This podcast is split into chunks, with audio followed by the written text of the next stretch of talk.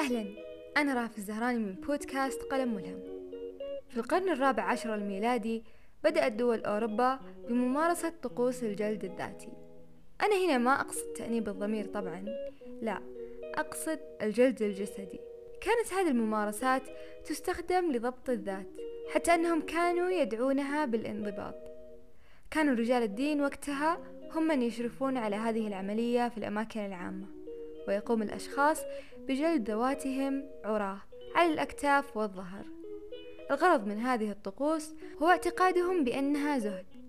حتى وصلوا إلى تجويع أنفسهم وأكل ثلاث زيتونات في اليوم كامل. كانت تقام تحت مسمى روابط التائبين. ويشرف عليها رجال الدين من الكنيسة. يعتقدون أنهم بهذا الفعل هو اكتسابهم كبرياء يمنعهم من ارتكاب الخطيئة. أما جلد الذات نفسيا فهو الشعور بالخزي والعار والذنب. ويقال بأنها نقطة حاسمة في إعادة التأهيل وغالبا ما يشار إليها باسم المشاعر الأخلاقية نظرا لدورها في تعزيز السلوك الإيثاري ولأنه أيضا يثبط من السلوكيات المعادية. يعرف الذنب فلسفيا أنه حالة ارتكاب الشخص للجريمة وإخفاء الذنب هو المعنى الحقيقي للبراءة واختفاء الذنب هو المعنى الحقيقي للبراءة. في الفلسفة يكون الذنب موجود لما يكون عند الشخص مبدأ معين تجاه شيء ويسوي عكسه.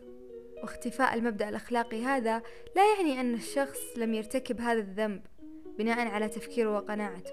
لهذا السبب لا يعيش تجربة الشعور بالذنب لأنه مقتنع تماما أنه لا ينافي مبادئه. تجربة الشعور بالذنب هو إدراك الشخص أنه تسبب في الإساءة والشعور بالمسؤولية تجاه الجريمة. الشعور بالذنب غريب بالفعل.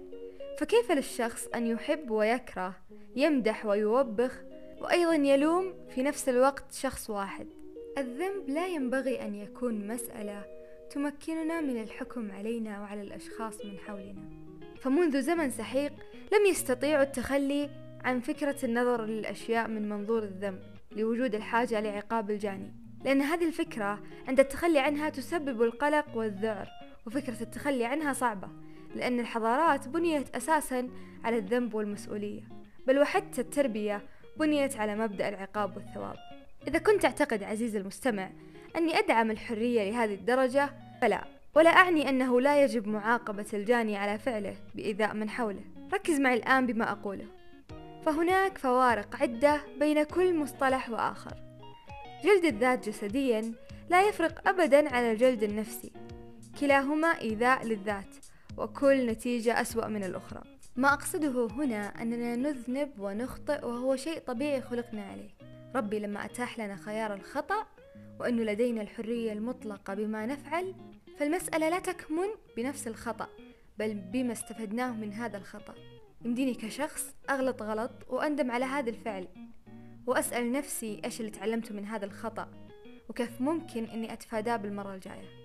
ويمديني كمان أني أخطئ وأحس بالعار والخزي وإني ما أستحق أي شيء جيد بالحياة. لدرجة تمنعني إني أشوف إيش المفروض أتعلمه عشان ما أكرر هذا الشيء.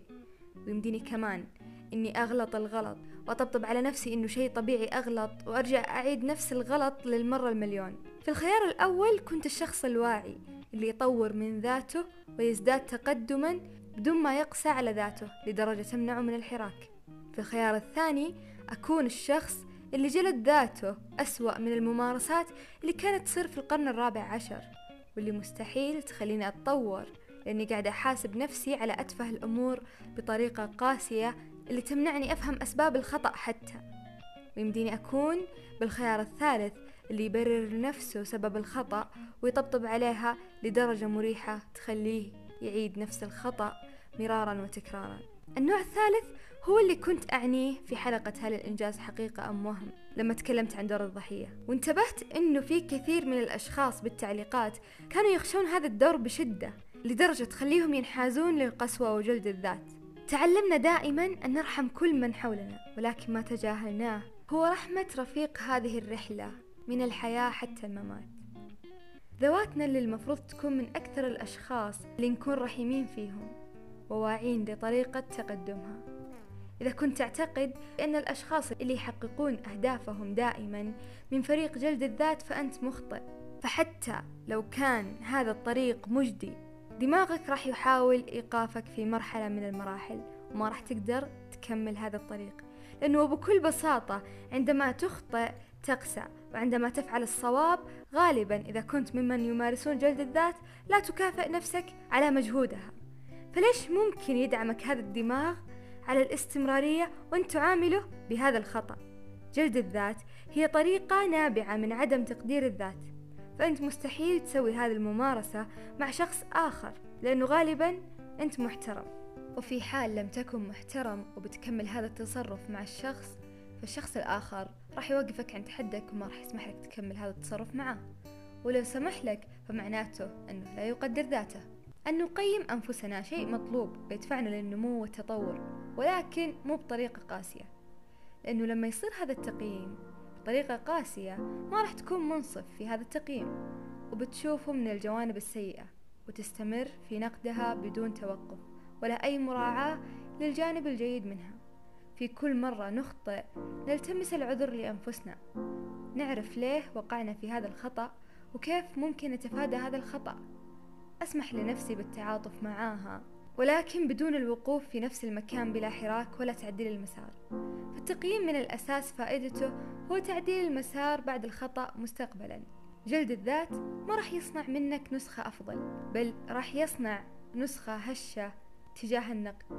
جلد الذات يتطور أحيانا ويصل لأن يحاسب الشخص نفسه على طريقة نطقه للكلام بشكل خاطئ أو تأتأته أمام الناس. جلد الذات قد يصل لأن يمنع الشخص نفسه من ممارسات طبيعية. وجميعنا نقع في أخطاء مثلها. جلد الذات قد يمنع شخص من الضحك خوفا من أن يلقي نكتة ولا يضحك عليها أحد ويستمر بجلد ذاته عليها لوقت طويل. جلد الذات قد يتطور لدرجة أنه لما يطيح شخص بمكان عام راح ينسى الألم اللي هو فيه ويلوم نفسه ليش ما انتبه للي خلاه يطيح. جلد الذات قد يمنعنا من متعة كبيرة. نكون قد حرمنا أنفسنا منها بسبب تقييم وقالب معين وضعناه لأنفسنا. تكلمت بالبداية عن المحاكم التي تعاقب الأشخاص المجرمين على أفعالهم وهذا شيء جيد للحماية. لكن المشكلة هو أن يطبق الشخص هذه المحاكم في داخله. يؤنب ويوبخ ويعاقب ويقتل. في نهاية هذه الحلقة أتمنى أن نعيش هذا السلام الداخلي الذي يخلو من تأنيب الضمير والتطور الدائم من خلال ما تعلمناه من أخطائنا. ألقاكم في الأسبوع المقبل في حلقة جديدة من بودكاست قلم ملهم بإذن الله.